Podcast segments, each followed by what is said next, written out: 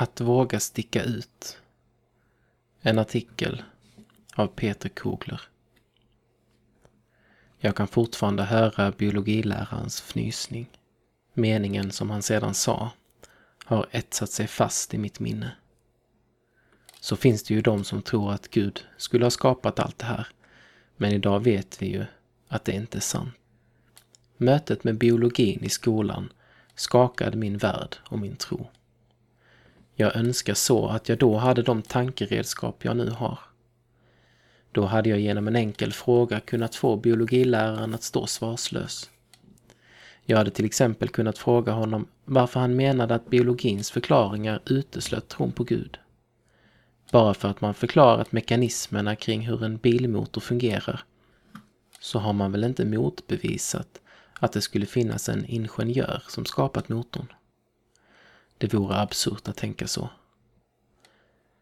Men när jag var mitt i min troskamp var det inte framför allt de intellektuella svaren som övertygade mig, utan mötet med en Gud som hör bön, samt den kristna gemenskapen. Min förvirring ledde till en bön. Gud, om du finns så visa dig för mig. En tid senare skakade Gud om mig genom två vänner som fick vara med om ett tydligt helande under på ett läger. Det ledde till att jag gick med i kristna skolgruppen på gymnasiet. Skolgruppen blev en plats där jag inte bara kunde överleva som kristen, utan också fick växa. Det är utmanande att vara kristen i skolan idag och därför vill jag dela tre tips som jag i efterhand kan se är viktiga. 1. Försök inte passa in. Som kristen i Sverige idag är man annorlunda. Man sticker ut. Punkt. Det kan man bli sjukt trött på. Då är det lätt att tänka, om jag bara dricker, klär mig och snackar som andra kommer de inte tycka det är konstigt att jag är kristen. I Romarbrevet 12.2 skriver Paulus Anpassa er inte efter den här världen. Jag tror det är en bra uppmaning och att det är mycket roligare att vara kristen om jag släpper min strävan att passa in. Försök istället att omfamna ditt annorlundaskap. Människor som går sin egen väg är intressantare än de som försöker vara som alla andra. Och du går på en ännu häftigare väg, nämligen på vägen själv, Jesus.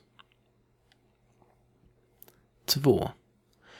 Gå inte på tanken att naturvetenskapen förklarat allt. Tanken att naturvetenskapen har bortförklarat Gud är vanlig både bland lärare och elever, men den stämmer inte. Bara för att man förklarat hur något fungerar har man inte förklarat varför det finns. Ta till exempel kärlek.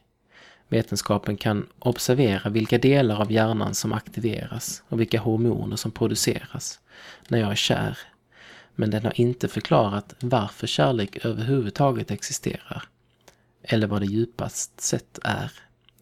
Att säga att kärlek inte är något annat än hormoner och signalsubstanser i hjärnan, vetenskaplig reduktionism, är ett filosofiskt ställningstagande och inte ett naturvetenskapligt.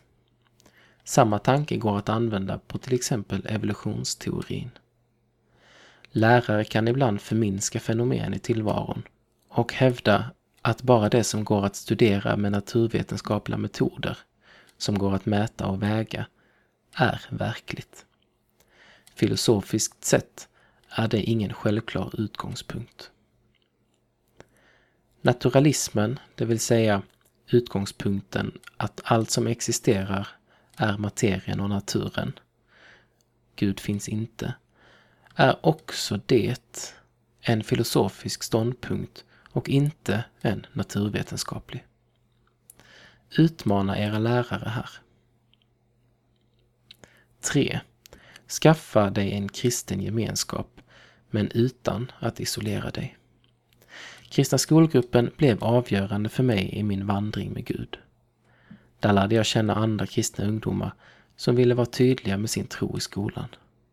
De delade min kamp och min längtan. Hitta en sådan gemenskap och om det inte finns kanske du ska starta en. Jag tror också det är viktigt att vi kristna inte lever i en bubbla och bara umgås med varandra. Gå på festerna alla andra går på, men sup inte som de andra. Låt ditt annorlundaskap bli något som väcker nyfikenhet. Om vi kristna är ödmjuka men ändå stolta och raka i ryggen och tillsammans börjar be för våra klasskompisar så kommer Jesus göra spännande saker på våra skolor.